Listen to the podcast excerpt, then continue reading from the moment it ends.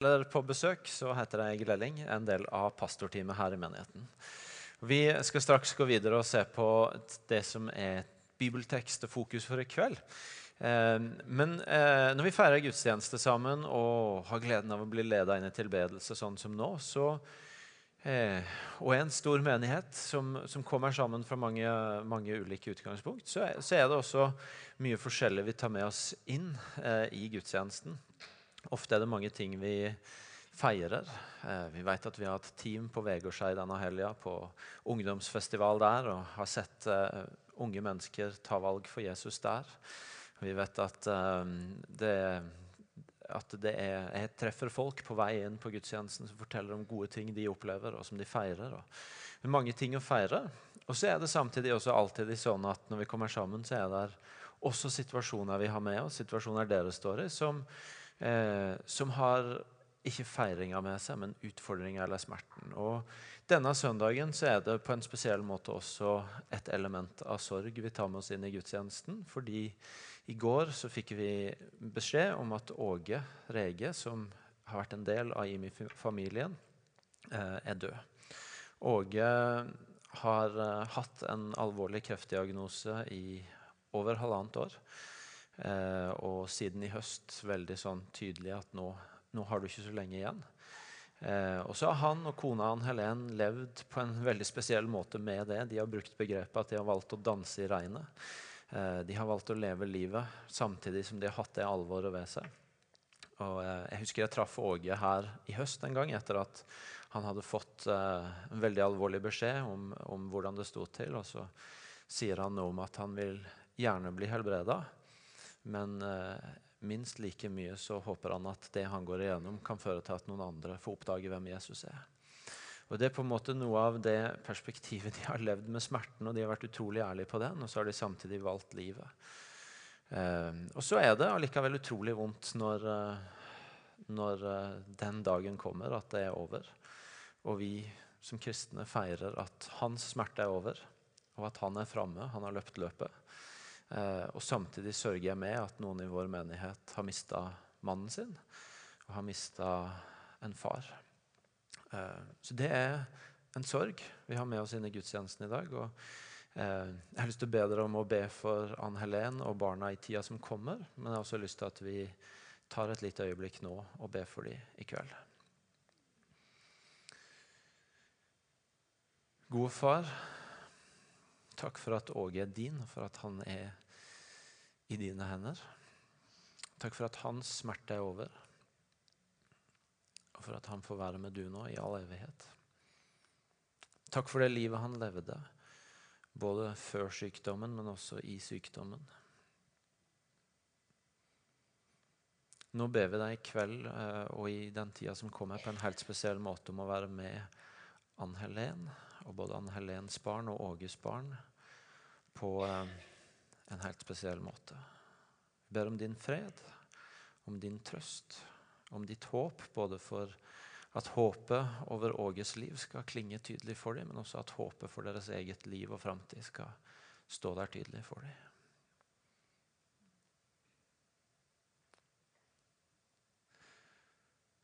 Og Vi ber om at selv om smertene er tydelige, så skal din fred, som overgår all forstand, få, få være enda tydeligere iblant i denne tida.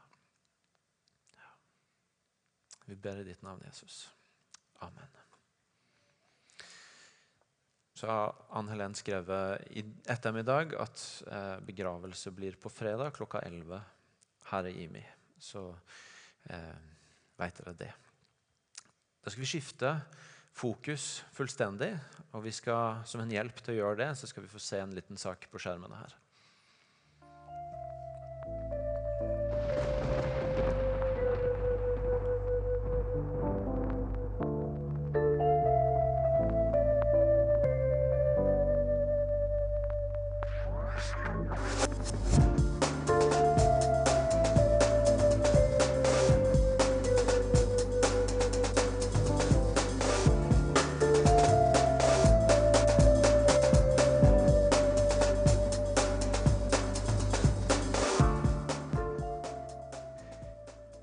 Skapt for å skape. Det er en serie, et fokus vi har fram mot påske, og som vi begynte forrige uke. Martin talte da, og som vi, som vi skal fortsette i noen uker. Og eh, det bildet, den, den eh, lille sekvensen vi har sett her, eh, er et bilde, er en, en liten film som, som, som, har for så vidt flere sider ved seg som en kan snakke om. Men ett av elementene som ligger i det vi nettopp så, det er et element av tro. Det er et element av tro når du ser noe som i, først bare er jord, som først bare er helt mørkt. I løpet av en prosess blir til liv, blir til noe som spirer fram, blir til noe du kan se, som, er, som, er, som har farger, som bærer bud om noe som er på vei. Det er et element av tro, og tro at det som ennå ikke er, kan bli. Og Akkurat nå så er det ei tid på året hvor vi veldig ofte kan bli minnet om det aspektet ved å se rundt oss ute. Det, kan se det i hagene våre og andre steder. at Det er helt stadig vekk denne elementet av noe som, som begynner å vokse fram. Men det er selvfølgelig også det elementet av å se noe og tro noe som skal bli. Noe som kan bli, noe som ennå ikke ses, men som kan bli der framme. Det er selvfølgelig en del av livet, av troa, av historien, som du møter på veldig mange forskjellige hold. Blant annet så vil du i møte med mange menneskers liv ha det perspektivet inne. At der noen bare så det som var, og det som var realiteten nå, så fantes det noen få, ofte noen få, bare én eller noen få, som så noe annet som kunne bli, som kom til å bli og som holdt fast i det. Og så ble det en nøkkel til at det også ble noe annet. Det er mange historier. Vi kunne, vi kunne gått til, til, historier om folk som har utretta mye og oppnådd mye. og som Mange av de har en historie bak om at der, der mange ikke så noe, så var det noen få rundt de, eller kanskje bare de sjøl, som så noe annet, noe som kunne bli. Og så holdt de fast på det, og så ble det noe helt annet. Men også innafor det, det, vi tror på, det som har med Jesus å gjøre og livet å gjøre. Så jeg husker Fra en tid tilbake så satt jeg i en samtale hvor det var ei mor som nettopp hadde opplevd at et av hennes barn hadde på, valgt på en ny måte å leve med Jesus. Hadde ikke levd med han ei tid. Og så hadde valget kommet, et valg for Jesus, et valg for å leve med han, et valg for ikke bare litt sånn passivt tro på han, men virkelig gå for han og gå med han.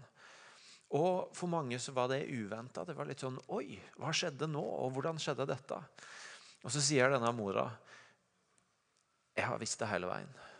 Jeg har sett det hele veien. Jeg visste ikke når det kom, jeg visste ikke helt hvordan det kom, men jeg har visst det hele tida. Og Det er ganske mange sånne historier om mødre eller fedre eller besteforeldre eller noen rundt som har sett ja, det som er virkeligheten nå, men som også har sett noe annet med et troens øyne, og som har valgt å holde det fram, og som har fått se det igjennom. Jeg husker en av de jeg og vi har lært mye av de senere åra, en pastor som heter Bill Johnson. En gang så fikk jeg og Martin sitte rundt et bord over han, og, eh, og det var en samtale, og et av spørsmålene som kom opp, var eh, Forutså du det du får leve i nå? Fordi Lenge så var han en helt anonym pastor oppe i ei fjellbygd i California. En liten menighet og mye bra som skjedde der, men på ingen måte på, på, på, på radaren rundt om i verden. Og nå leder han en mye større menighet og, eh, som er på veldig manges oppmerksomhet. og Han får reise rundt i verden og se mennesker bli helbreda, se mennesker komme til tro, se, se kirker og kulturer bli forandra. Og, og så er spørsmålet så du det komme. Hadde du, liksom, hadde du en plan, hadde du en strategi? Visste du at hvis du bare holder linja her nå, så kommer det? Og så sier han nei, jeg har levd langt forbi mine egne drømmer og ambisjoner. Jeg hadde ikke sett for meg noe av dette. Og Så sitter kona ved siden av og så sier hun, jeg visste det hele veien. Jeg så det hele veien. Eh, men det er noe med den der eh, trosdimensjonen. Én ting er det du ser, noe annet er det noen ser med et troens øyne så er det fascinerende at Gud ser på oss med troens øyne. Gud ser på oss med et blikk som ikke bare er det han ser, kan se her og nå, men han ser oss også med et perspektiv av det vi kan bli, av det han ser oss i som, som, som vi kan bli når, når, våre liv får bli berørt av han. Det står i Romerne 5,8.: Men Gud viser sin kjærlighet til oss ved at Kristus døde for oss mens vi ennå var syndere. Gud viser sin kjærlighet til oss ved at Kristus døde mens vi ennå var syndere. Kristus døde ikke når Gud hadde sett at vi kunne leve opp til det. Gud ga ikke sin egen sønn når han i det minste hadde fått et lite signal om at hvis han gjorde det, så ville han få return on investment. Da ville han få tilbake fordi han valgte å satse. Men Gud valgte å satse sin egen sønn og se oss med troens øyne for hva som kunne bli, før han visste eh, eller før han kunne se på oss hvordan vi ville respondere, hvordan vi ville ta det imot, om, om, om vi ville la oss berøre av det eller ikke. Gud er en som ser på meg og du med et sånt trosblikk av ja, det kan de bli når de blir berørt av mitt liv. Jeg er villig til å gi min sønn uten å vite hva jeg får igjen, fordi jeg ser noe som er noe mer enn det som er akkurat her og nå. Guds blikk på oss. Og så er Noe av fokuset når vi nå i noen uker snakker om 'skapt for å skape', at også med våre liv, med det, det, livet vi har, de ressursene vi har, den tida vi har, den innsatsen vi har, så kan vi få se våre liv og det som er vår hverdag, med et trosblikk. Av at det er mer enn bare det vi ser. Og i, og i Guds rike kan få ha en større betydning enn det vi bare ser med det blotte øynet. At der hvor vi kan tenke er jeg lever nå min vanlige hverdag. Jeg gjør mine greier. Jeg, jeg, møter opp de stedene jeg skal, og jeg yter en liten ekstra innsats her og der. Og så, og så gir jeg litt av pengene mine og, og yter min skjerv. Og, og, så er nå det det. Så er det en invitasjon med et Guds rikeblikk til å se mye større på det. Så se det med troens øyne hvor det har en større betydning enn bare å være 'jeg gjør nå min lille greie'. Poenget er ikke at vi snakker negativt om hverdagen eller det ordinære. Nei, tvert imot. Poenget er nettopp at i det som for oss kan synes hverdagslig og ordinært, så er det en mulighet med Guds blikk, med et Guds rike perspektiv, å tenke mye større om det. At når vi, når vi legger livet vårt, tida vår, ressursene våre, innsatsen vår innenfor Gud, og ser på det med et Guds rike perspektiv, så kan vi få tro at også det som for oss er hverdagslig, kan få gjøre en erfaring à la det denne unge gutten som bare hadde en helt hverdagslig lunsj, og fikk oppleve at det ble til så utrolig mye mer. Det ble til mat for mange tusen mennesker.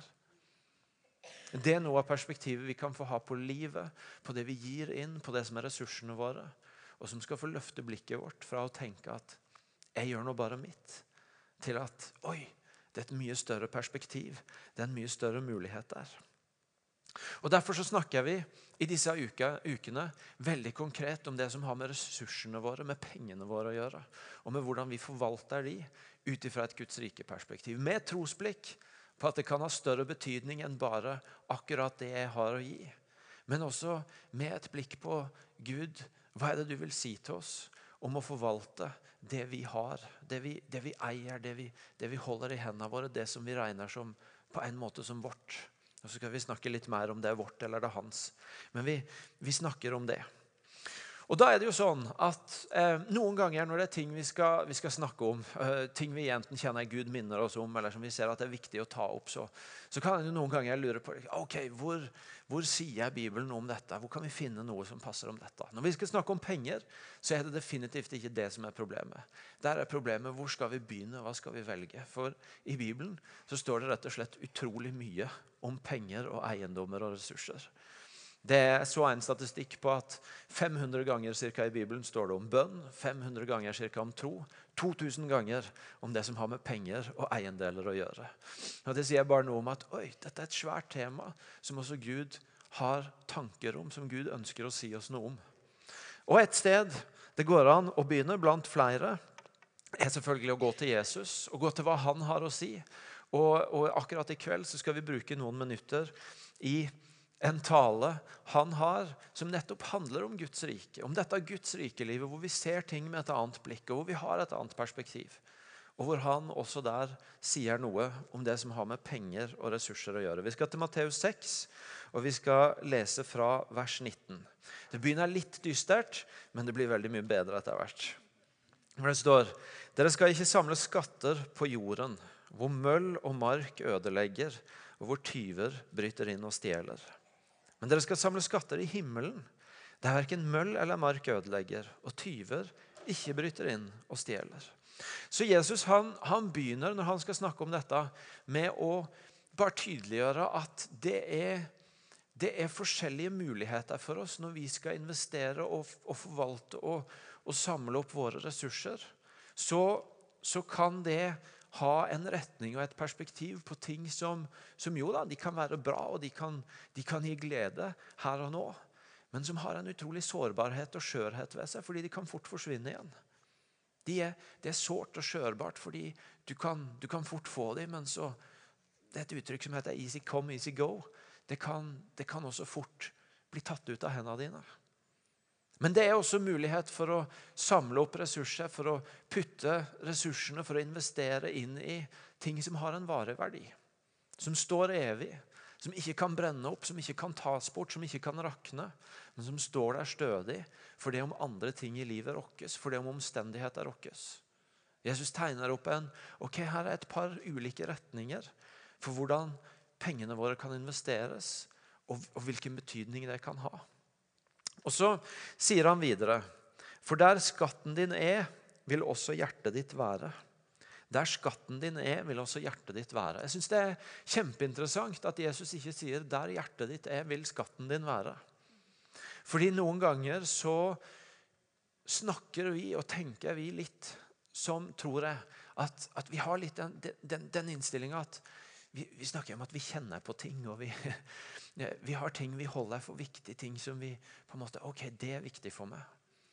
Og så, og så tenker vi litt som at det som ligger på hjertet vårt, det vi holder for viktig, det vi kjenner på om du vil, eller, eller sier ut at det er verdiene våre, tenker vi at naturlig så følger prioriteringen vår, så følger skatten vår, følger investeringene våre det. Men det Jesus sier her, det er at nei, det er faktisk en annen rekkefølge. Det er faktisk sånn at Der du investerer ressursene dine, der, du legger det du har å investere, der vil hjertet ditt følge etter.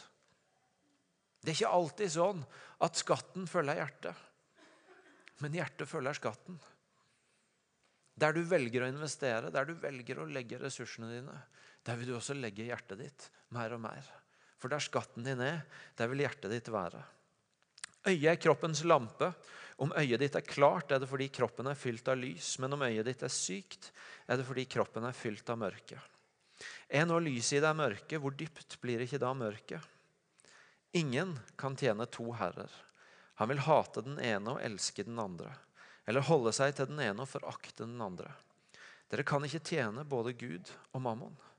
Her gjør Jesus på mange måter konflikten mellom et par muligheter, et par interesser, et par retninger enda tydeligere enn der vi begynte, med den varige verdien og den, den skjøre verdien. Han sier at, at penger, som i Bibelen ofte omtales som mammon, en, en ånd, en avgud, som, som kan følge med pengene, så, så sier han at, at, det kan faktisk bli til noe som du ender opp med å bli en slave for.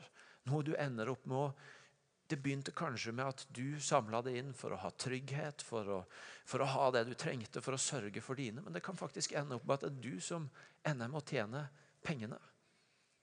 At pengene som skulle komme inn for å tjene du, for å tjene ditt liv i neste omgang, ender opp med å bli du tjene, den du må tjene for å opprettholde det du har. Og Så sier aldri Jesus at penger i seg selv, ressurser i seg selv, det å eie ting, er galt. Men han sier du kan bare tjene én. Du kan ikke tjene både Gud og mammon. Du må velge hva som skal være først. Du må velge hvor fokuset ditt, hvor hjertet ditt, hvor skatten din skal være. Fordi den ene muligheten vil binde deg, vil kunne gjøre deg til en slave, en du må tjene i neste omgang. Mens den andre ønsker et annet liv og en annen frihet for deg. Og Det er i de neste versene at de gode nyhetene om hva, hva du får hvis du får tjene Gud og ikke mammon, kommer. For da sier han, derfor sier jeg dere, vær ikke bekymra for livet, hva dere skal spise eller hva dere skal drikke. Heller ikke for kroppen, hva dere skal kle dere med. Er ikke livet mer enn maten og kroppen mer enn klærne? Se på fuglene under himmelen. De sår ikke, de høster ikke, og de samler ikke i hus. Men den far dere har i himmelen, gir de føde likevel. Er ikke dere mer verdt enn de?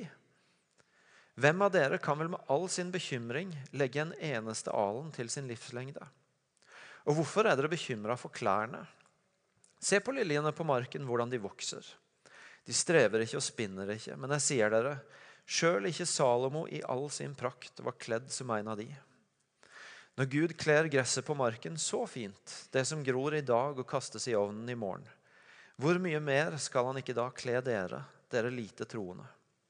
Så gjør dere ikke bekymringer og si ikke 'hva skal vi spise', eller 'hva skal vi drikke', eller 'hva skal vi kle oss med'? Alt dette er hedningene opptatt av. Men den far dere har i himmelen, vet jo at dere trenger alt dette. Søk først Guds rike og hans rettferdighet, så skal dere få alt det andre i tillegg. Så gjør dere ingen bekymringer for morgendagen. Morgendagen skal bekymre seg for seg sjøl. Hver dag har nok med sin egen plage. Jesus sier noe om at oi, du kan få leve ut fra en posisjon hvor du, hvor du fordi du ikke har valgt å bli en tjener av pengene, så kan du få leve der hvor, hvor, hvor, du har en trygghet i at oi, jeg har en far i himmelen som forsørger meg. Du vet, det er, det er egentlig en, hvis, hvis, det Jesus sier her, blir hørt som en lov, som et påbud, som noe det må du gjøre, så er det en umulighet han sier. Vær ikke bekymra for noe. Det er, jeg vet ikke det, det, er med dere hvis du går og egentlig ikke er bekymra for noen, og så sier, sier, noen til deg ja, nå må du ikke bekymre deg for det ja, da begynner du i hvert fall å bekymre deg. Hva er det jeg ikke har tenkt på? Det er, det er en umulighet å bli, på en måte bli formant, kommandert til. Nei, du må ikke bekymre deg. Men det Jesus sier her, er jo at øy, hvis, hvis, du, hvis, du, lever fra den posisjonen at du ikke tjener mammon, men Gud at, at, du, at du har skatten din der hvor de evige, stødige verdiene er, så kan du også få leve dagen din fra et perspektiv av at jeg trenger ikke bekymre meg. For jeg har en far som sørger for meg. Jeg har en far som gir meg det jeg trenger. Han som kler blomstene på marken, han som gjør det ute vakkert, han som lar disse tingene spire opp, han sørger jeg for meg. Han vet hva jeg trenger. Derfor kan jeg søke først Hans rike, og så skal jeg få det andre i tillegg.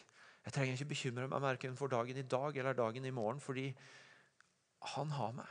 Han ser etter meg. Og Med det perspektivet så kan jeg leve i overflod, hvis jeg har mye, med takknemlighet for det jeg har fått, og gi raust og dele raust, fordi jeg vet at det ikke er mitt, men han som har gitt det til meg.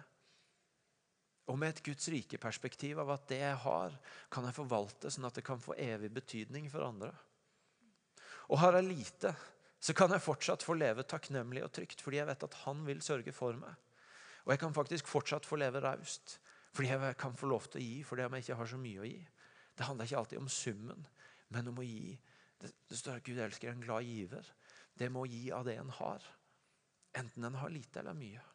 Og fortsatt få tro at selv om en i sum gir mindre enn en kanskje hadde ønskt, eller ser noen andre gjøre, så har en allikevel et Guds rikeøye på det, fordi det er han som kan ta det og gjøre det til noe mer. Når jeg leser og har holdt på med denne teksten her i, i denne uka, så så, så har noe av bildet som har kommet fram for meg når jeg har holdt på med den teksten, det har vært at det er akkurat som om Jesus sier at penger, eiendeler, ressurser, det er som et sånt kraftfullt våpen eller verktøy som du kan få bruke. Som, det er noen sånne våpen eller verktøy ikke sant? som hvis du bruker det rett, så kan du utrette utrolig mye godt. Og hvis det brukes galt, så kan det gjøre en god del skade.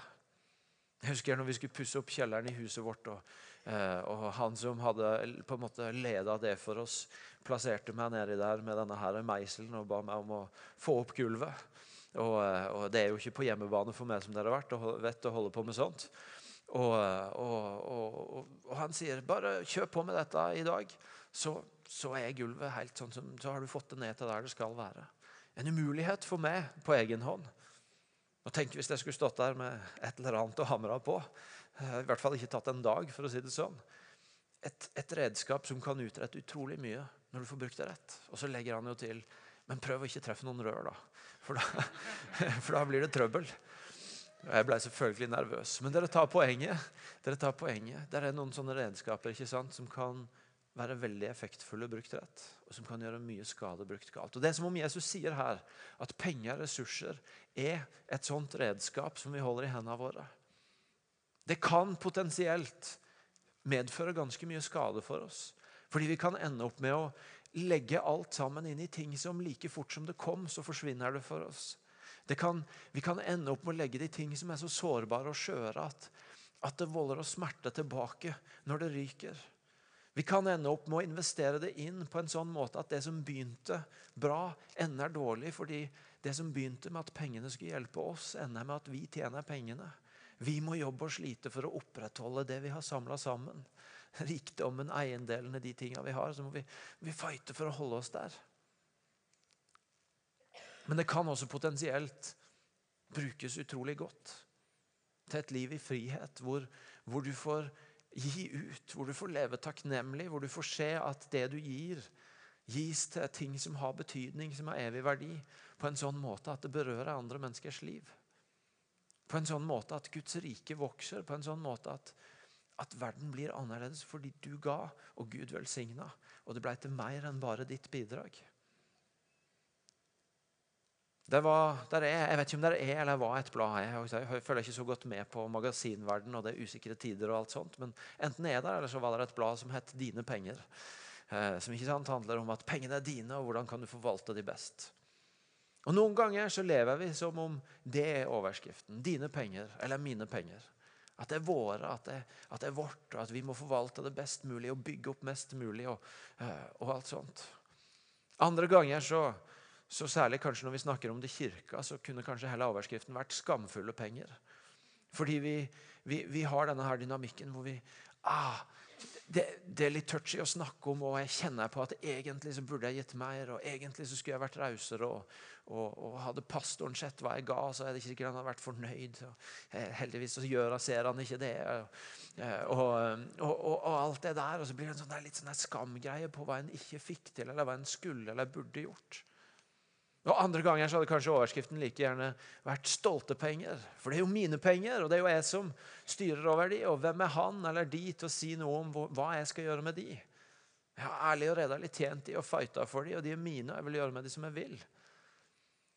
Og Dessuten så står de der og snakker, de har mye mindre greier på penger enn meg. Jeg har til og med jobb med det. Så ikke kom her og prøv det.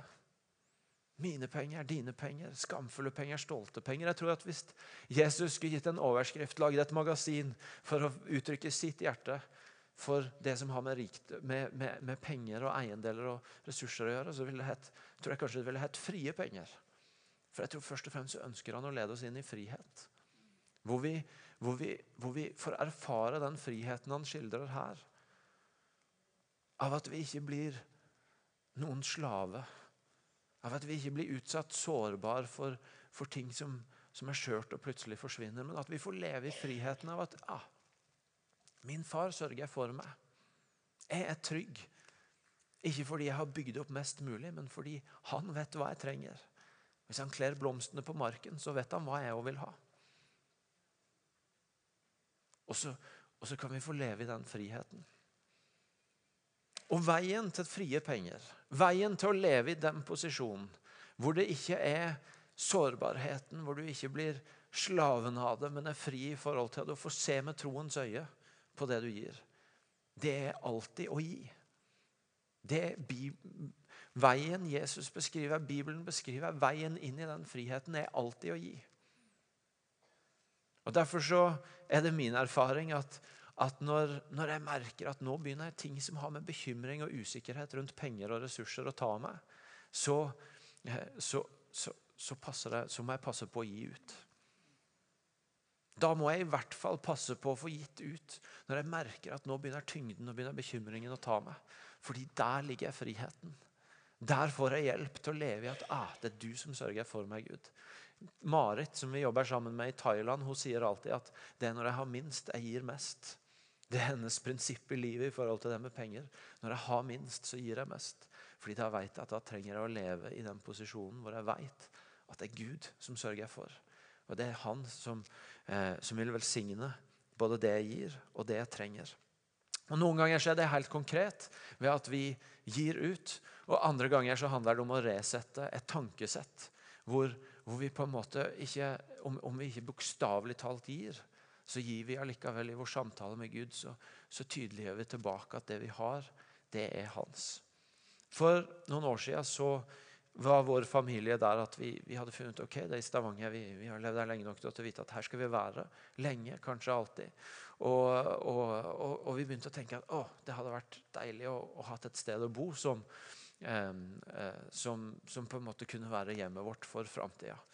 Og Vi begynte å gå og se på hus, og det var lenge før oljepriser endra seg. og alle sånne ting, og Det var i den tida alle boliger gikk for en halv million og mer over prisantydning. Og Vi gikk på mange visninger og vi var i mange budrunder, og vi tapte alle sammen. Og så var vi velsigna med mange fine folk som ba for oss og kjempa med oss. Og En gjenganger der da, det var at når folk ba for oss, så kom de og så sa de dette her ordet til meg. Eh, Gud har noe bedre for dere. Gud har noe bedre for dere. Og du vet, Det er hyggelig. Og Når du har hørt det noen ganger og du har tapt noen budrunder, så har du allikevel mest lyst til å si 'hold kjeft, slutt å terge meg'. Fordi hvis det, hvis, det, hvis, det har, hvis det, på en måte mangler en million på dette, hvordan skal jeg få mer? Så lite tro han har, kan du si, men det er lett å si. Eh, men så skjer jo det. At så kommer det huset som for oss jeg vet ikke om objektivt, det, det, er en annen diskusjon. Men for oss, med de kriteriene, med det vi så etter, var det beste huset vi så langt hadde sett. Og Så kommer det, og så Oi! Det er ingen andre som byr på det. Så går det til oss på prisantydning, og så, og så sitter vi plutselig der og Oi, Gud, du sørga for oss.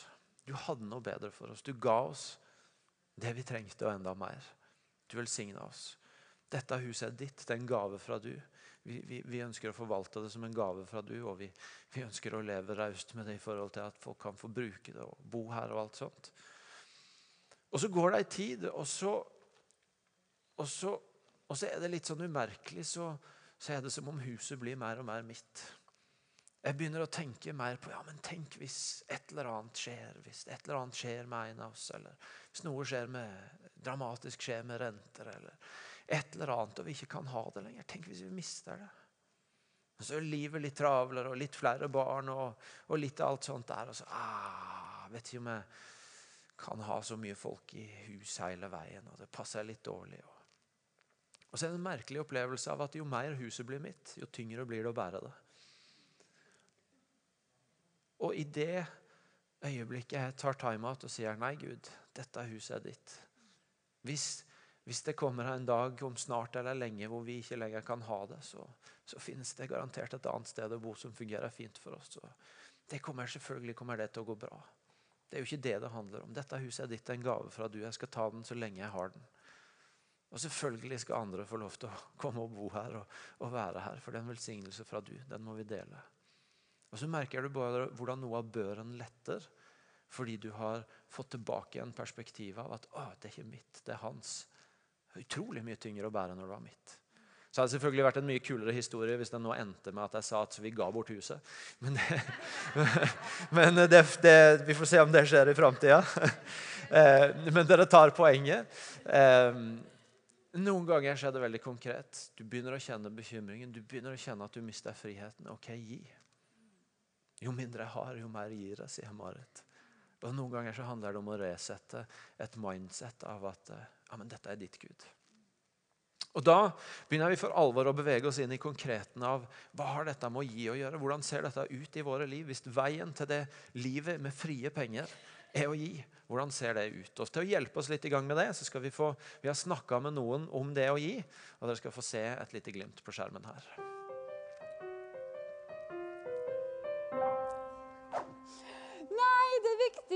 Investere hjemmet sitt. Akkurat nå så sikler jeg skikkelig mye etter en ny sofa. Åh. Eh, mitt åndelige hjem, ja. Jo da, det er viktig, det òg.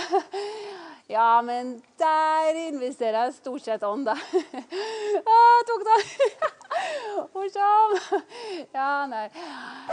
Ja, nå når jeg står og startsunger denne her byggingsriket i en mannsalder, veit du, så nå drar jeg ikke tilbake på alle dugnadstimene jeg la ned her når vi bygde den kirka. Så, så veit du at det, det, det, var ikke så lite, det skal jeg si deg. Og alle svettene sitter jo igjen i veggene her, så jeg skulle bare tro og mene at at jeg bidrar nok her i kirka til både Jesus kommer att og de, så, så vel så, da.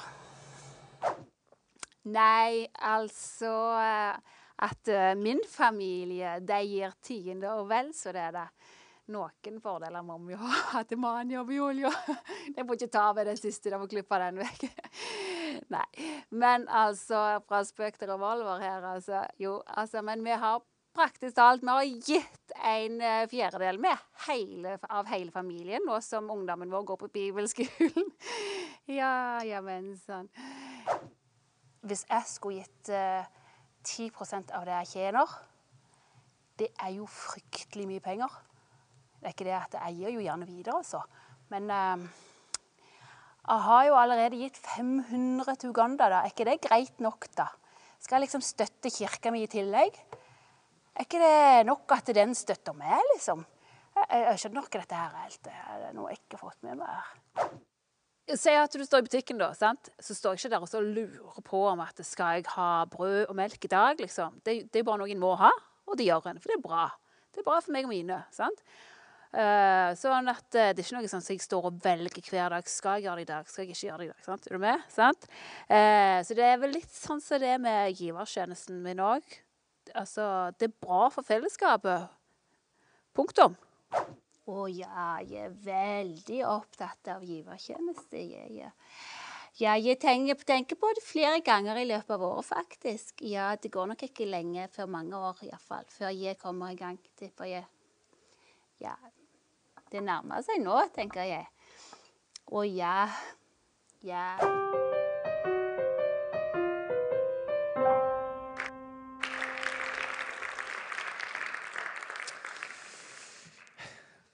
Av en eller annen grunn så kan det når vi begynner å bli konkrete, fra de store ordene om frihet og penger og Guds rike og troens blikk og sånn, og skal bli konkrete på å snakke om det å gi, så, kan av en eller annen grunn noen ganger bli litt komplisert. Og dette her er en god, god, uh, god illustrasjon på det. Men egentlig så er Bibelen veldig konkret og veldig hjelpsom med oss på, på, på hvordan vi kan begynne å gå inn i det med å gi, et, sånn at vi, vi, får leve et liv med frie penger. For det første så snakker jeg Bibelen om et ord som er litt rart for oss. Det høres litt gammeldags ut, men, men, men jeg tror vi får tak i innholdet. Det snakker om å gi førstegrøden. Om å gi det første av det vi får, av det som er vårt. Bibelen snakker om dette prinsippet av at du begynner med å gi til Guds rike. I stedet for å, etter at du har sørga for ditt og det du trenger, og alt som skal betales, så, så, gir du hvis det er noe igjen, eller det som blir igjen. Så har Bibelen dette perspektivet av at førstegrøden gi først til Han. Og På den måten så lever du også ved tro. Krever ikke så himla mye tro å gi etter at alt annet er brukt, og du tar det som er igjen. Men kanskje krever det litt tro å begynne med å gi ut. Å begynne med å gi fra seg, og så tro at Han vil sørge for resten. Rent konkret for flere av oss og for meg så er det sånn at samme dag som lønna går inn, så går givertjenesten ut. For det er ikke mulig og på slutten av måneden, og kassa begynner å bli skrapt, og mange ting er gjort, og en begynner å se at oi, her sliter det, og trykker på avvis fordi at det gikk visst ikke denne måneden likevel. Nei, Når lønna kommer inn, så går givertjenesten ut, for du begynner der. Du begynner med å gi, ikke med å sikre alt det andre. Og Så snakker Bibelen for det andre om dette prinsippet av å gi tiende. Å gi 10% av det du får, tilbake til Han som dypest sett har gitt deg det. Det er, og, og, og det, er ikke, det er ikke en lov. Det er ikke noe som gjør deg til mindre eller mer kristen. Men det er et prinsipp som går gjennom Bibelen.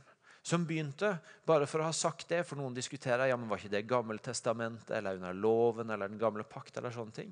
Det begynte før loven. Det begynte Abraham gir tiende til Melkisedek lenge før Moseloven kom. Og Så lever det videre gjennom Det gamle testamentet som et prinsipp som blir holdt fram der. Og Så bekrefter Jesus det i Det nye testamentet når han sier ja, men dere skal gi tiende, men dere som i tillegg har kjærlighet og barmhjertighet. Det er et prinsipp som er der i Bibelen, og som, eh, og som hjelper oss til å leve i den posisjonen av at jo, jeg gir. Og så er det noen som vil ta diskusjonen ja, men, ja, men er ikke alt vårt Guds? Det er ikke 10% som er Guds. Er ikke, hører ikke alt Gud til? Jo, nettopp. Og poenget er at ved å begynne med å først gi ut tiende av det du har fått, så bekjenner du det. Da bekjenner du at alt mitt hører dypest sett Guds til. Så spørsmålet er ikke om alt eller tiende er Gud sitt. Spørsmålet er om vi er villige til å bekjenne at det er hans, ved å begynne med å gi ut. Det er det prinsippet Bibelen lærer oss. Og så snakker jeg Bibelen med det fundamentet om å gi takkoffer i takknemlighet, om å gi barmhjertighetsoffer til de som trenger det, om å gi offergaver hvor en strekker seg og ofrer noe av sitt eget for noen som trenger det. Og i sum så tegner det et ganske konkret bilde i Bibelen av å leve et liv hvor en gir. Hvor en gir tilbake, og hvor en gir ut. Og hvor det blir veien inn i et liv i frihet i forhold til penger. Hvor det blir et, en vei inn i et rom for at Gud sørger for. Og hvor en får ha et sånt trosblikk på at det jeg gir, har større betydning enn bare det jeg gir. Når jeg gir mine hverdagslige ting, min ordinære givertjeneste, så jeg se, har jeg vært med på å se titusener bli frelst i Kambodsja. Jeg har vært med på å se liv bli forvandla i Stavanger. Det er så mye mer enn det lille jeg gir. Det er en del av en større helhet som, for, som forandrer menneskeliv, og som bringer Guds rike nær. Og Det er det vi får være med på når vi gjør det. Og så er utfordringa, enten du er ny på veien eller i forhold til det å gi, eller du har holdt på med det lenge, så er invitasjonen hele veien å leve i den prosessen av Gud. Hva, er det jeg kan gi til deg? Gud, Gud, hvordan ser det ut for meg å leve raust nå? Gud, kan, kan, kan, du ta meg lenger inn i dette livet av å leve som en giver med raushet, med å holde ting laust og ha et Guds rike perspektiv på det? Jeg skal være ærlig, jeg, Det er noen år siden nå at vi har forkynt om det å gi her i menigheten. Og jeg har tenkt, hvis jeg skal være helt ærlig, at jeg er ganske raus. Jeg gir ganske bra. Gir, gir mer enn 10 til menigheten. Også. Og så er det kollekter på søndagen, og så er det stadig vekk et eller annet prosjekt som kommer opp, eller noen som en har lyst til å være med og velsigne på et eller annet vis. Og, og vi hiver oss på. Og, og, det, og, det, er lett å tenke kommer litt sånn Ja, nei, jeg syns det er bra. Og så sitter jeg, jeg var på vinterferie forrige helg, så jeg sitter i bilen på vei hjem søndag kveld og hører på Martin tale. Og, vet, det er farlig når du hører inspirerende taler og kjører. det er litt sånn forstyrr føreren-greier. Men jeg bare kjenner at å, dette blir jeg tatt av igjen. Dette livet vil jeg ha tak i. For det er jo livet det er snakk om. ikke sant? Dette er et liv det er snakk om. Jeg sa til en kompis tidligere i uka at på en måte, sett fra predikantens side, når det kommer til dette å snakke om penger, så hadde det vært utrolig mye lettere om vi levde under loven. For da kunne jeg bare sagt sånn er det, gå og gjør det. Men poenget er jo at det jeg har lyst til å ha tak i for mitt liv, og det vil at dere skal få tak i, det er at det er et liv her som ikke handler om lov, som ikke handler om skulle og burde, som ikke handler om å bedre eller dårligere kristen, men som handler om at her har Gud et liv for oss. Og Jeg satt og kjente når jeg hørte på, på talen til Martin og ble inspirert. Nei, dette vil jeg ha tak i mer av. Dette livet vil jeg ikke bare slå meg til ro med at godt nok er godt nok, men jeg vil videre. Ok, la oss få opp med, med prosent på givertjenesten. Da. La oss høyne det et hakk til. Og så skjedde det med meg som med den siste dama der, og som, som, kanskje av og til skjer med dere. at Så tenker du det, og så er det rart når det har med penger å gjøre, hvordan det kan bli utsatt. Så fredag klokka tre så gikk endelig mailen. Da, nei, nå må vi bare få gjort det. Men poenget er den reisa hvor det ikke er OK, nå har jeg det. Men hvor det hele veien er Gud, hvordan kan du ta meg videre inn i et sånt liv av å leve raust? I dette rommet så har vi mange forskjellige utgangspunkt for å gi. Noen av dere tjener mye, noen av dere tjener lite og ingenting. Når jeg var ti år og begynte å få ukelønn av mamma, 25 kroner, så gikk 2,50 av de på misjonsbøssa. Tiende av 25 kroner. Nå tjener jeg mye mer, og likevel er det mer enn tiende som går ut til menigheten. Du kan begynne med det du har. Du kan strekke deg på det du har. Du kan invitere Gud til å bli med inn og, og tale om ok, hvordan ser det ut å ta neste steg for meg med det utgangspunktet du har. Så det vi skal gjøre Nå det er rett og slett, nå kommer teamet opp og skal spille litt. Og så har vi, fordi at dette er så konkret, så har vi lyst til å bruke noen få minutter på at du får en mulighet til å be, reflektere og tenke over hva er min respons på dette. Jeg har lyst til at du skal ta i løpet av disse par minuttene og bare tenke over Utfordre seg på dette med hvor dette med der skatten er, der vil hjertet være med, med førstegrøden. Går ressursene mine først til det som har varig verdi? Eller blir det oppsamlinga etter alt det andre? Er det noe i det jeg hører, og det Jesus sier, som utfordrer meg til å ta nye grep og valg på det å gi til det som har varig verdi, til det som kan ses med trosblikk? Bruk litt tid på å be over det, til å reflektere over det. Og så skal vi bli helt konkrete på utfordringa når eh, vi har brukt et par minutter på det. Jeg ber en enkel bønn, og så spiller de litt. Jesus, takk for at du ikke blir taus på en, en del av livet som, som, som du ser at, at, at, er så viktig, og at på mange måter har så mye kraft ved seg. Potensielt både til godt og vondt. Men at du er tydelig og konkret med oss og inviterer oss inn i et liv i frihet. Jeg ber deg om at du til hver enkelt av oss nå skal, skal tale om, om, det du kaller oss til. Om hvor du kaller oss til å inn i frihet. Hvor vi velger å gi for å finne frihet og trygghet i at du forsørger. Hvor du kaller oss til å begynne med å gi først, og med det bekjenne at alt er ditt. På steder hvor vi kanskje har begynt å bære tungt fordi at det har blitt våre penger, og du kaller oss tilbake til frie penger. Tal til oss konkret om hva dette har å si for våre liv, og om konsekvenser og valg vi kan ta.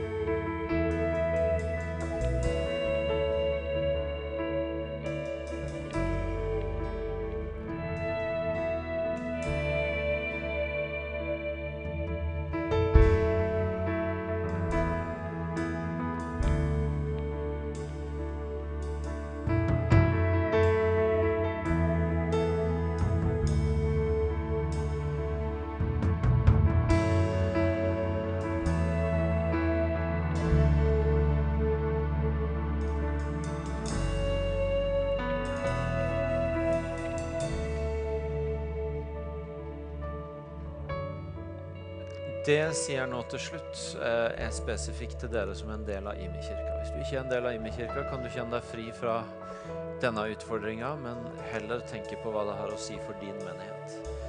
Men i denne fasen så utfordrer vi også oss som er en del av Imi-kirka, på hva det har å si for vår givertjeneste.